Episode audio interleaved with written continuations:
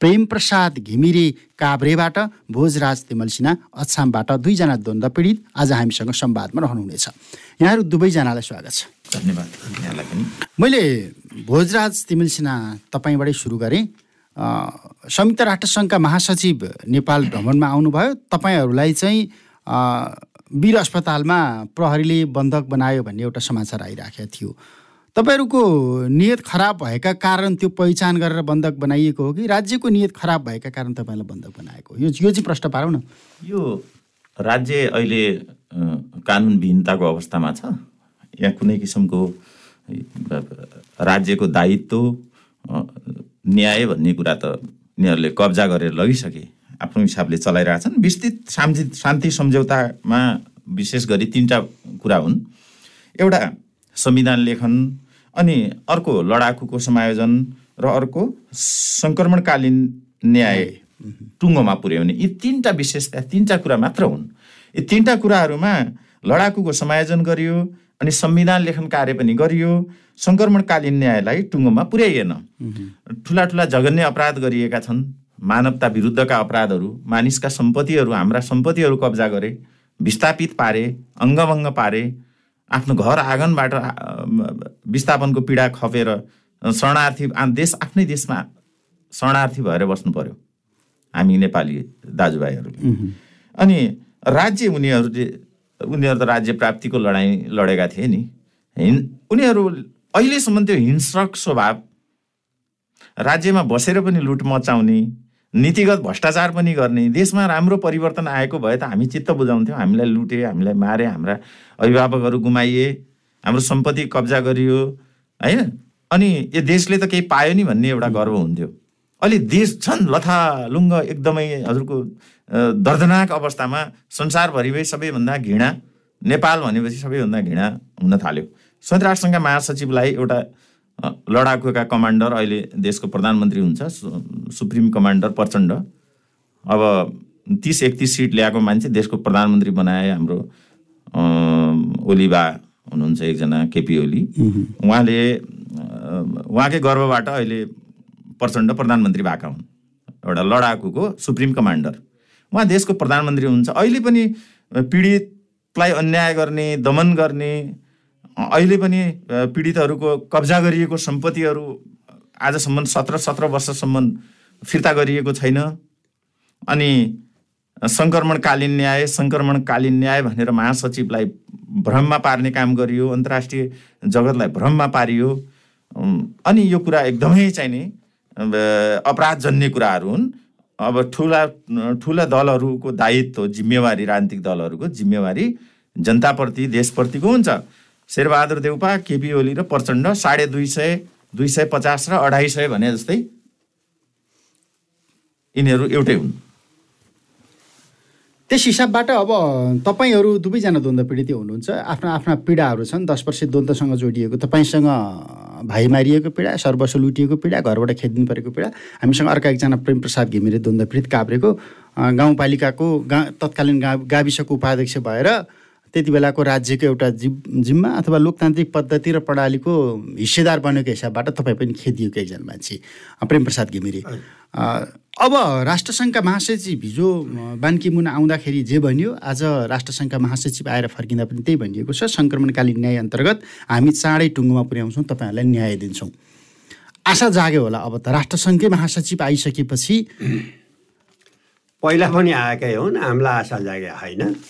यिनीहरू पनि लुट्ने। बाहिरबाट आउँछन् जुन आउँदा पनि हामी न्याय चाहिँ हामीले सक्यौँ। हामी चाहिँ अन्तिम टुङ्गोमा पुर्यायौँ है। सङ्क्रमणकालीन न्याय हामी त अन्तिम टुङ्गोमा पुर्यायौँ पुर्यायौँ पुर्यायौँ पुर्यायौँ भन्छन्। अब यिनीहरूको त एउटा गरिखाने एउटा भाँडो मात्रै हो। हामीलाई आशा छैन। अहिलेसम्म तपाईँ सत्र अठार वर्ष पुग्दा पनि केही नभएको हामीलाई चाहिँ आशा नलाग्दो। छ। किनभने सत्र अठार वर्षसम्म मान्छे के खायो होला के लायो होला कहाँ बस्यो होला आन्तरिक शरणार्थी भएर आफ्नै देशमा कुन ठाउँ गएर बसेर आफ्नो जीवन निर्वाह गर्ने भन्ने छ। ऊ बेला विस्थापित हुँदा दसजना थिए भने अहिले पन्ध्रजना बिसजना त्यही परिवारको भइसक्यो। तर अह हामीलाई चाहिँ पटक्कै यिनीहरूबाट आशा छैन। यिनीहरू भने लुटा हुन् देशमा बस्ने लुट्ने यी तस्करी हुन्। ज्यान मारा तस्करीको पार्टी हुन्। यी शेरबहादुर देउबा केपी ओली प्रचण्ड भने ज्यान मारा नि हुन् सुन तस्करी नि हुन्। यिनीहरू चाहिँ विभिन्न हिसाबका आफै सत्ता चलाउने यिनीहरूको खेल मात्र हो। हामीलाई पटक्कै विश्वास छैन। अब यीबाट चाहिँ केही हुन्छ भन्ने छैन। अब हाम्रो देशको राजा पनि ले केही गर्न नसक्ने। यत्रो वर्ष हाम्रो चाहिँ दुई सय पचास वर्ष कति वर्ष यो वर्ष त्यो वर्ष भन्छन्। केही गर्न सकेन। राजा पनि ठुलो ठुलो हेरेर बस्ने मात्रै भयो। राज संस्था त वैधानिक रूपमा हामीले फाल्यौँ भनेर गणतन्त्रवादीहरू होइन गणतन्त्र भन्छन् अहिले गएर राजैलाई ढोग्छन्। यी मोर राखेर ढोग्या हुन्। यी राजालाई मोर राखेर ढोग्नेले अहिले सत्ता चलाएछन्। त्यस हुनाले हामीलाई चाहिँ राजाको नि विश्वास छैन। अब चाहिँ यहाँ यस्तो तानासा आउनु पर्यो। जुन तानासाले चाहिँ यहाँ हामीलाई नि बरु चौबिस घन्टा काम लाओस्। तानासाको आवश्यकता भयो। हामीलाई बान्की मुल आए के अर्को आए के संयुक्त राष्ट्रसङ्घ आए के मानव अधिकारवादी आए के? मानव अधिकारवादी नि कोही न कोहीबाट डलरबाट चले। डलरको खेती गर्ने एउटा संस्था हो। यी बान्की मुन सुन भन्ने पनि यहाँ आएर आगै पछि यसले हुन्छ भयो सकियो यहाँ चाहिँ सङ्क्रमणकालीन न्याय भइसक्यो यहाँ त त्यो शान्ति छ यो छ ऊ छ भनेर पठाउँछन्। ती आउँछन् विदेशी पनि आउने हुन् जाने हुन्। आएर जाने हुन्। हामीलाई कोही कसैको आशा छैन। अब हामीलाई मात्रै आशा चाहिँ अब यहाँ तानासा एउटा आएर तानासाले देश चलायो भने यिनीहरूलाई लगेर जेल हाल्यो भने यी अपराधीलाई चाहिँ जेल हाल्नुपर्छ। अर्थ अब ऊ छैन। तपाईँले जेल हाल्नु पर्यो भनेर मुद्दा लिएर जानु भएको थियो कारण प्रचण्डका हामीले। हामीले सर्वोच्चमा हालेका छौँ। अब त्यसको टुङ्गो लाग्छ किनभने त्यहाँ सर्वोच्चले त एउटा निर्णय दिनु पर्ला। यदि दिन सकेन सर्वोच्च पनि त्यही प्रचण्डैको त्यही शेरबहादुर देउबाको त्यही ओलीकै भएर किनिएछ भने हामी अन्तर्राष्ट्रिय अदालत कहाँ जान सक्नुपर्छ कहाँ जान्छौँ जान्छौँ। किन भन्नु होला भने अहिलेसम्म आफैले मार्या। द्वन्द्व पीडित आएर अन्नसन बसिया मान्छे लास चाहिँ अहिलेसम्म चाहिँ उसमा चाहिँ टिचिङ हस्पिटलमा छ उसको श्रीमती बिरामी बाई भनेर भेट्न जाँदाखेरि द्वन्द्व पीडितलाई नै तिनी घोच्याएर प्रचण्डको आदेशमा चाहिँ त्यहाँ हेर्न दिँदैन छुन दिँदैन भने अहिलेको अवस्था भने प्रचण्ड भने चाहिँ यो देशको ठुलो कलङ्क हो। उसलाई चाहिँ अन्तर्राष्ट्रिय अदालत होइन यही अदालतले जेल हाल्नुपर्छ र त्यहाँ जेलमा पनि एउटा त्यस्तो ठाउँ हुन्छ जुन चाहिँ गोलघर भन्ने। अब म त्यो गोलघरमा चाहिँ उसलाई चाहिँ आजन्म ऊ बाँचन्जेल तिराख्नुपर्छ नत्र यो चाहिँ हामीलाई चित्त बुझ्दैन। द्वन्द्वसँग जोडिएको तपाईँहरूको एक खालको पीडा हो एक खालको क्रन्दन हो। बाँकी कुराहरू न्यायालयले गर्ला भएन भने अन्तर्राष्ट्रिय अदालतको कुरा छँदैछ। अन्तर्राष्ट्रिय अदालतको प्रसङ्ग ल्याइहाल्नु भयो भोजराज तिमलसिंह तपाईँहरू त पुग्नु भएको हो क्यारे नि? हेगसम्म पुगेर प्रचण्डहरूलाई अथवा द्वन्द्वकालीन घटनासँग जघन्य अपराध गर्नेहरूलाई चाहिँ कारवाही गर्नु पर्यो थुनिदिनु पर्यो भनेर हेगमा पनि जानुभएको क्यारे तपाईँहरू त। गम्भीर खालका मानव अधिकार उल्लङ्घनका घटनाहरूमा संलग्न रहेका अपराधीका निमित्त हामी त्यहाँ पुग्यौँ एउटा अन्तर्राष्ट्रिय मानवीय कानुन भनेको कुनै त्यसको बााउन्ड्री हुँदैन देशको सीमा जस्तै त्यो संसारभरिको एउटै हुन्छ। मानिसलाई निर्णय गरेर निर्दोष नागरिकहरू सुतेका नागरिकहरूलाई माइनट गरेर फलाना फलानालाई यो दिन मार्ने यति बजे मार्ने यसरी क्रूरतापूर्वक हत्या गर्ने भन्ने माइनट गरेर गरिएको छ। मानिसका सम्पत्तिहरू अनि कब्जा गरिएको छ अङ्गभङ्ग पारिएको छ जिउँदै मान्छेका आँखा झिकिएको छ जिब्रो काटिएको छ अत्यन्तै क्रूर अमानवीय घटनाहरू जो संसारभरि एकदमै त्रा त्रासित घटनाहरू जो माओवादीहरूले गरे। त्यो घटनामा कुनै पनि तौरमा माफी दिन मिल्दैन। सङ्क्रमणकालीन न्याय भन्दै यति लामो समयसम्म राख्न पनि मिल्दैन। किनकि सत्र वर्षभन्दा बढी भयो। सङ्क्रमणकालीन न्याय भनेको त दमकल र एम्बुलेन्स जस्तो हो। बिरामी हुने बित्तिकै चाहिने दमकल के अरे एम्बुलेन्स पुग्छ। आगो लाग्ने बित्तिकै दमकलले पानी निभाए जस्तै सङ्क्रमणकालीन न्याय अहिले सङ्क्रमण फैलिसकेर पुरै सङ्क्रमण फैलिएर एकदमै देश अहिले भेन्टिलेटरमा छ जो मानव हत्याराहरूले देशको राज्य चलाएर बसेका छन्। यिनीहरूलाई तुरुन्त एरेस्ट गरेर अनि कानुनी रूपमा कारवाही गर्नुपर्छ। अब सङ्क्रमणकालीन न्याय भन्दैमा कुनै पनि कुराको डेट हुन्छ औषधिको हुन्छ। मान्छे कति मरिसके न्याय नपाएर अहिले तपाईँको बिसौँ वर्षसम्म न्याय नपाएर मरिसकेका छन् विस्थापित पीडितहरू पनि। भनेदेखि यो सङ्क्रमणकालीन न्याय यति लम्ब्याउन मिल्छ। भोक लागेको बेला खाना खाएन पाएन बिरामी भएको बेला मान्छेले औषधि हुन पाएन। कैयौँले संसार छाडेर गइसके बाँचेकाहरूले पनि भनेदेखि यी अपराधीहरू अझ राज्यमा बसेर लुट मचाउने नीतिगत भ्रष्टाचार गर्ने अझ पीडितमाथि अस्ति भर्खरै म म र म, बाल सेना अ, के अरे लडाकु। लेलिन बिष्ट अनि यो हस्पिटलमा गएका थियौँ गङ्गामायालाई भेट्न। गङ्गामाया आमालाई भेट्न गएको बेला त्यहाँ पचासौँजना प्रहरीले घेरेर हामीलाई नजरबन्दमा राखेको छ। हेर्नुहोस् त कस्तो अराजक। अब मलाई त पटक पटक पुर्जी पनि दिएको छ। यो नजरबन्दका पुर्जीहरू दिएर कैयौँ पटक राख्यो। कैयौँ पटक चाहिँ तपाईँको चाहिँ नि थुनुवा पुर्जीहरू दिएको छ। गाडीमा आगो लगायो भनेर पनि यहाँ सिंहदरबार प्रहरी कार्यालयमा चौध पन्ध्र दिनसम्म थुनेर राखेको थियो। त्योभन्दा पहिला भक्तपुरको बोडेमा नजरबन्दमा राखेको थियो। यस्ता अपराधीहरू भएको देशमा कसरी हामी न्यायको अपेक्षा गर्न सक्छौँ? न्यायको अपेक्षा गरेर अदालत पनि गइराख्नु भएको छ। अदालत खालको अदालतसँगको खालको विश्वास अम, अझ अस्तो प्रेम घिमिरेले भन्नुभयो अदालत हामीले मुद्दा हालेका छौँ केही न केही न्याय पक्कै दिएला भन्ने ढङ्गबाट। अब न्यायालयकै कुरा गर्ने हो भने पनि यही अदालत हो नि त। जस्तो अहिले यति बेला रिगेलको कुराहरू आइराखेको छ। योभन्दा अगाडि रेशम चौधरीको कुरा आयो। त्योभन्दा पहिला बालकृष्ण ढुङ्गेलको कुरा आयो। बालकृष्ण ढुङ्गेलको सन्दर्भमा त तपाईँहरू जस्तै द्वन्द्व पीडित सावित्री श्रेष्ठले बाबुराम भट्टराई प्रधानमन्त्री रहेको बेलामा अदालतमा गएर मुद्दा पनि हाल्यो एक खालको आदेश पनि भएको हो। तर अदालतबाट आएको आदेश पनि नपालना नगर्नेहरूले राज्य चलाइराखेको एउटा श्रृङ्खलाबाट हामी गुजिराखेका छौँ भनेपछि काहीँ न काहीँ त निरूपण हुनु पर्ला निरूपण कसरी गर्ने के? यो यो व्यवस्थापन त हुनु पर्ला यो यो यो कानुनी अराजकता हो। अब खै के भनेर यो यो इन्टरनेसनल कम्युनिटीले पनि यिनीहरूलाई के भनेर सोचिराखेको छ यो अराजकता हो? अहिले जो प्रधानमन्त्री मन्त्री विधायक भन्नुहुन्छ नि हजुरहरू यिनीहरू केही पनि होइनन्। यो कानुनी अराजकता यो हुलफालमा मान्छे अपहरण हत्या हिंसा गर्दै मचाएर आए र यिनीहरूले आफूलाई चाहिने मन्त्री प्रधानमन्त्री सांसद घोषणा गरे जस्तै हो। यसको लिगासी छैन क्या? अराजक किसिमले सत्ता कब्जा गरेर त्यसबाट गरेका निर्णयहरू सब खारेज हुनुपर्छ। यो कानुनी राज नै होइन पहिलो कुरो। कानुनी राज नै छैन अहिले। अदालतले गरेका फैसला कार्यान्वयन गर्नुपर्ने दायित्व राज्यको हो नि त सरकारको हो। अब सर्वोच्च अदालतले गरेका फैसलाहरू सर्वोच्च अदालतको फैसला कार्यान्वयन निर्देशनालय हुन्छ। सर्वोच्च अदालतको फैसला कार्यान्वयन निर्देशनालयले बिसौँ पटक प्रचण्डलाई फैसला कार्यान्वयन गर भन्ने लेखिसकेको छ। शुभ सुरुमा हामीले सर्वोच्चमा प्रचण्डलाई केस हालेका थियौँ। अनि कार्यान्वयन निर्देशनालयले पटक पटक कार्यान्वयन लागू गर। भन्दा पनि अब उनी उनले हामी हामीभन्दा ठुलो पनि हो र अदालत सर्वोच्च अदालत भन्ने किसिमका अभिव्यक्ति कमरेड प्रचण्ड लडाकुका सुप्रिम कमान्डरका नेताले चाहिँ नि अदालत हामीभन्दा ठुलो होइन भन्ने अभिव्यक्ति पनि दिनुभएको छ। अनि त्यो पैँतिस सयजना लडाकु के जाति कतिवटा मात्र छन् हाम्रो हामी यस्तै गर्दाखेरि पैँतिस हजार पुर्याउनुपर्छ भन्ने भिडियो क्लिपहरू त हजुरहरू मिडिया पर्सन सबैलाई थाहा थाहा छ नि सबै मिडियालाई थाहा छ नि। यसरी झुक्क्याएर बच्चाहरूलाई युद्धमा प्रयोग गरेर अस्ति बालसेनाको मुद्दा पनि छ त्यहाँ। बच्चाहरूलाई युद्धमा प्रयोग गरेका छन्। यिनीहरू आफै यिनीहरूले चाहिँ नि आत्मसमर्पण गर्नुपर्छ अदालतका अगाडि जेलभित्र आफै जानुपर्छ। एकदमै एकदम मस्तिष्क मरेका आत्मा मरेका यस्ता राक्षसहरूले राज्य चलाएपछि कहाँबाट उभो लाग्छ यो मुलुक? अनि त्यो त्यस्ता मान्छेलाई संरक्षण गर्ने नेपाली काङ्ग्रेसका नेता हामी नेपाली काङ्ग्रेसकै कार्यकर्ता हौँ शेरबहादुर देउपा। हामीलाई त घृणा लाग्छ कि हाम्रो देशमा हाम्रो पार्टीको पार्टी सभापति हुन् देउपा भन्ने कुरामा पनि हामीलाई घृणा छ। मुख्य अभियुक्तलाई संरक्षण गर्ने मतियारहरू शेरबहादुर देउपा केपी ओली यिनीहरू मतियारहरू हुन्।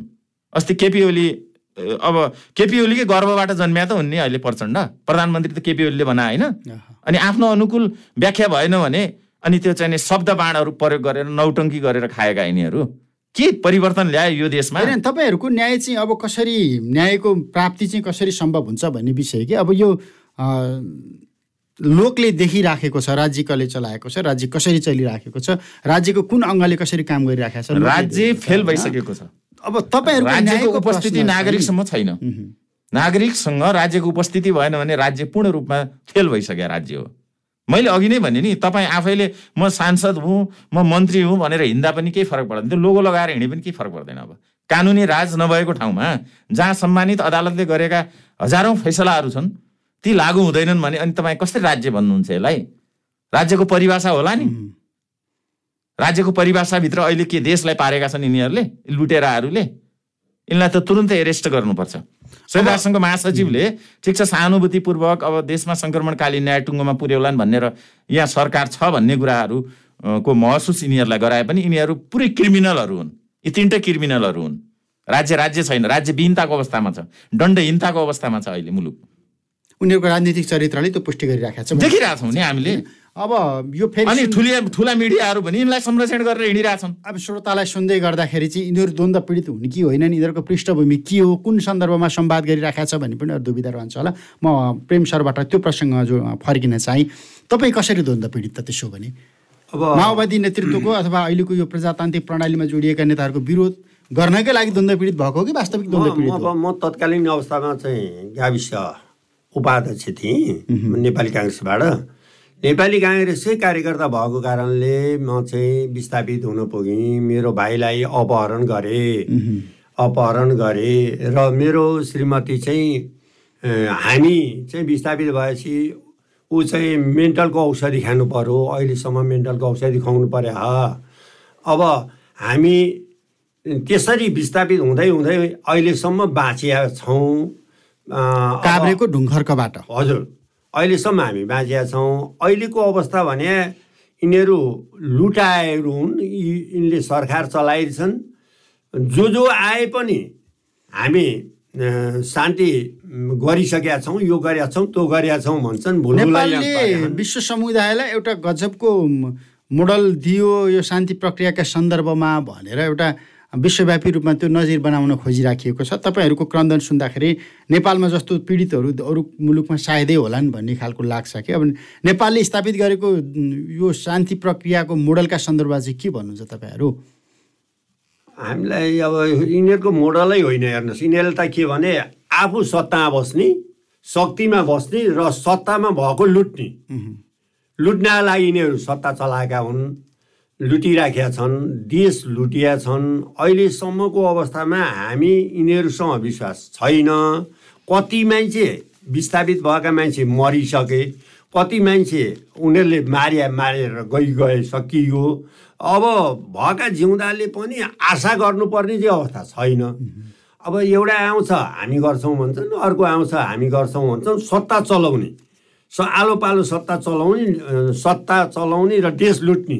मात्र नियत हो यिनीहरूको। केही हामी अब अदालतको एकचोटि हामी अब अदालत गइराखेका छौँ। सर्वोच्च अदालतले चाहिँ अब केही गर्ला कि भन्ने हामीलाई आशा। कहिलेसम्म लड्छ यो पुस्ता भन्ने एउटा प्रश्न पनि होला नि। जस्तो तपाईँको छोरानातीले अब द्वन्द्व पीडित हुँ भनेर मुद्दा लड्दैनन् तपाईँहरू मात्रै लड्नु लड्नु होइन, पलायन भइसक्यो त्यो पुस्ता। हामी हामी सकिएपछि सकिएला। सबै एकैचोटि हाम्रो पुस्ता पनि जाँदैन।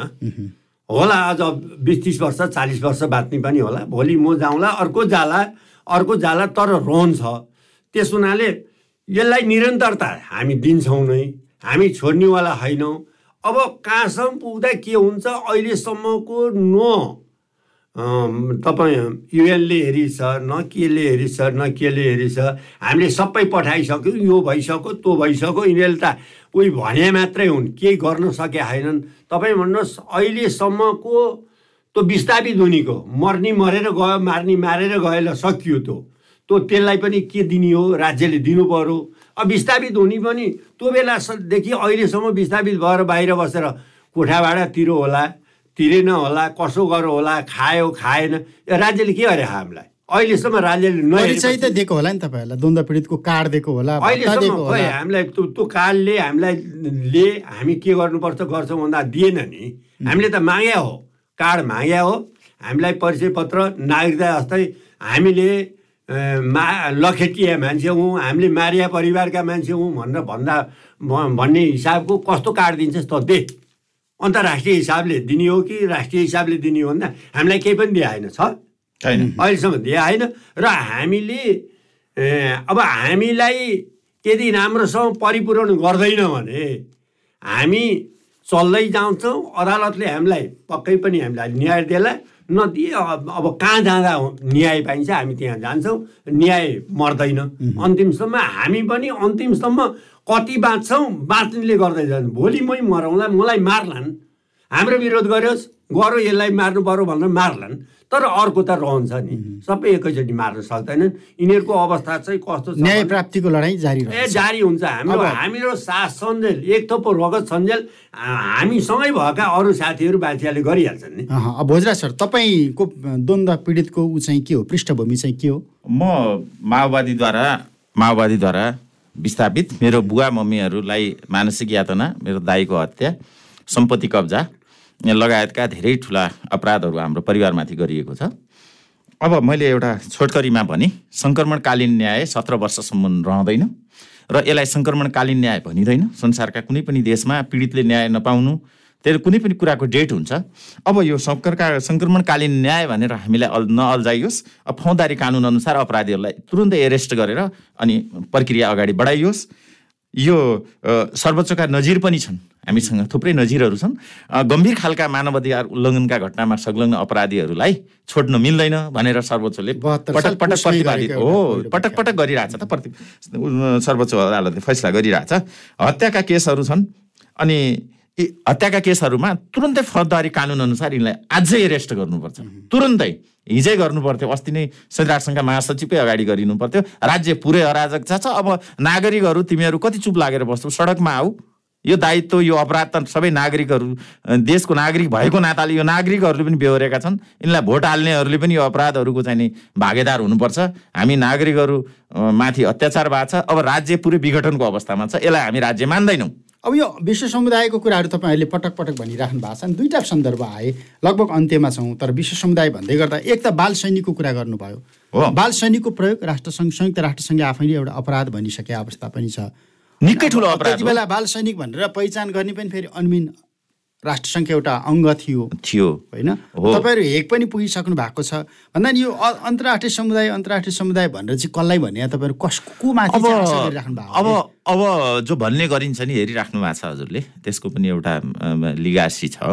संयुक्त राष्ट्रसङ्घले के गर्ला भन्ने कुरा हो। अहिले विश्वमै भएका अपराधको जन्य घटनाहरूका सन्दर्भमा हेरिरहेछ नजिकबाट। महासचिव सोझै सोझै नेपाल भ्रमणमा आउँदा। बाल सैनिकको विषयमा सन्दर्भमा कुरा गरिहाल्नुभयो। अब हेरिराख्नु भएको छ मुद्दा चलिरहेछ वैशाखतिर छ पेशीमा सर्वोच्चमा। हाम्रो लेलिन बिष्ट लडाकु के अरे बाल सैनिकको चाहिँ नि अध्यक्ष लेलिन बिष्ट उहाँले हालिराख्नु भएको छ त। अस्ति हामीलाई उहाँलाई र मलाई त स उहाँ म, अस्पतालबाटै नजरबन्दमा राख्यो नि लगेर। अनि यस्ता अपराधहरू भइराखेका छन्। बच्चाहरू प्रयोग गर्ने अनि गरिबीमाथि खेल्ने गरिबी युवाहरूलाई इमोसनल ब्ल्याकमेल गर्ने माओवादीहरूले एउटा चाहिँ त्यो त्यो गरे। अहिले पनि गरिरहेछन्। अहिले नीतिगत भ्रष्टाचार पनि त्यस्तै छ।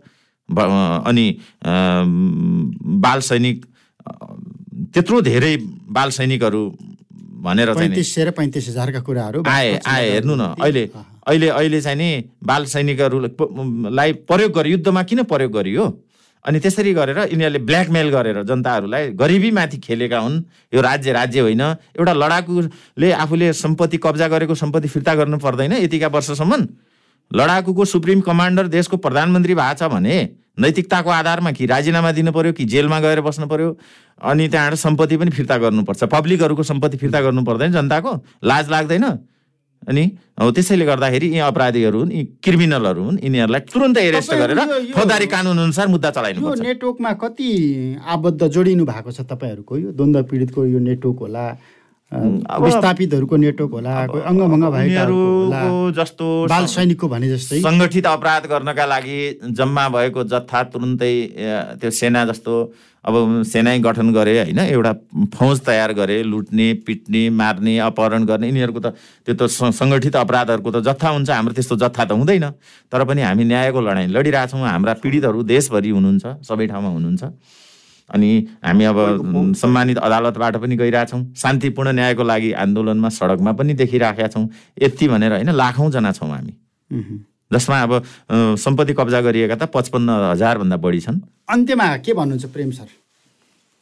अब मैले त केही भन्नु छैन। यिनीहरूलाई चाहिँ अँ, फौजदारी कानुन अनुसार यिनीहरूलाई चाहिँ जेलमा हाल्नुपर्छ। कर्मअनुसारको सजाय हुनु किनभने यिनीहरूले जे गरे जे कर्म गरे त्यो फल भोग्नुपर्छ। यिनीलाई जेल हाल्नुपर्छ। अरू होइन। कर्मअनुसारको सजाय हुनु पर्यो। भोजरा सरको अन्त्यमा के छ? त उहाँ घिमिरे सरले भने जस्तै हो अब सङ्क्रमणकालीन न्याय लाई टुङ्गोमा नपुगेको अवस्थामा फौजदारी कानुन एक्टिभेट गरेर यिनीहरूलाई एरेस्ट गर्नुपर्छ आजैका मितिदेखि। यिनीहरू क्रिमिनलहरू हुन्। हुन्छ तपाईँहरू दुवैजना द्वन्द्व पीडितलाई यहाँ आउनुभयो समय र सम्वादको लागि म धन्यवाद दिन्छु। धन्यवाद।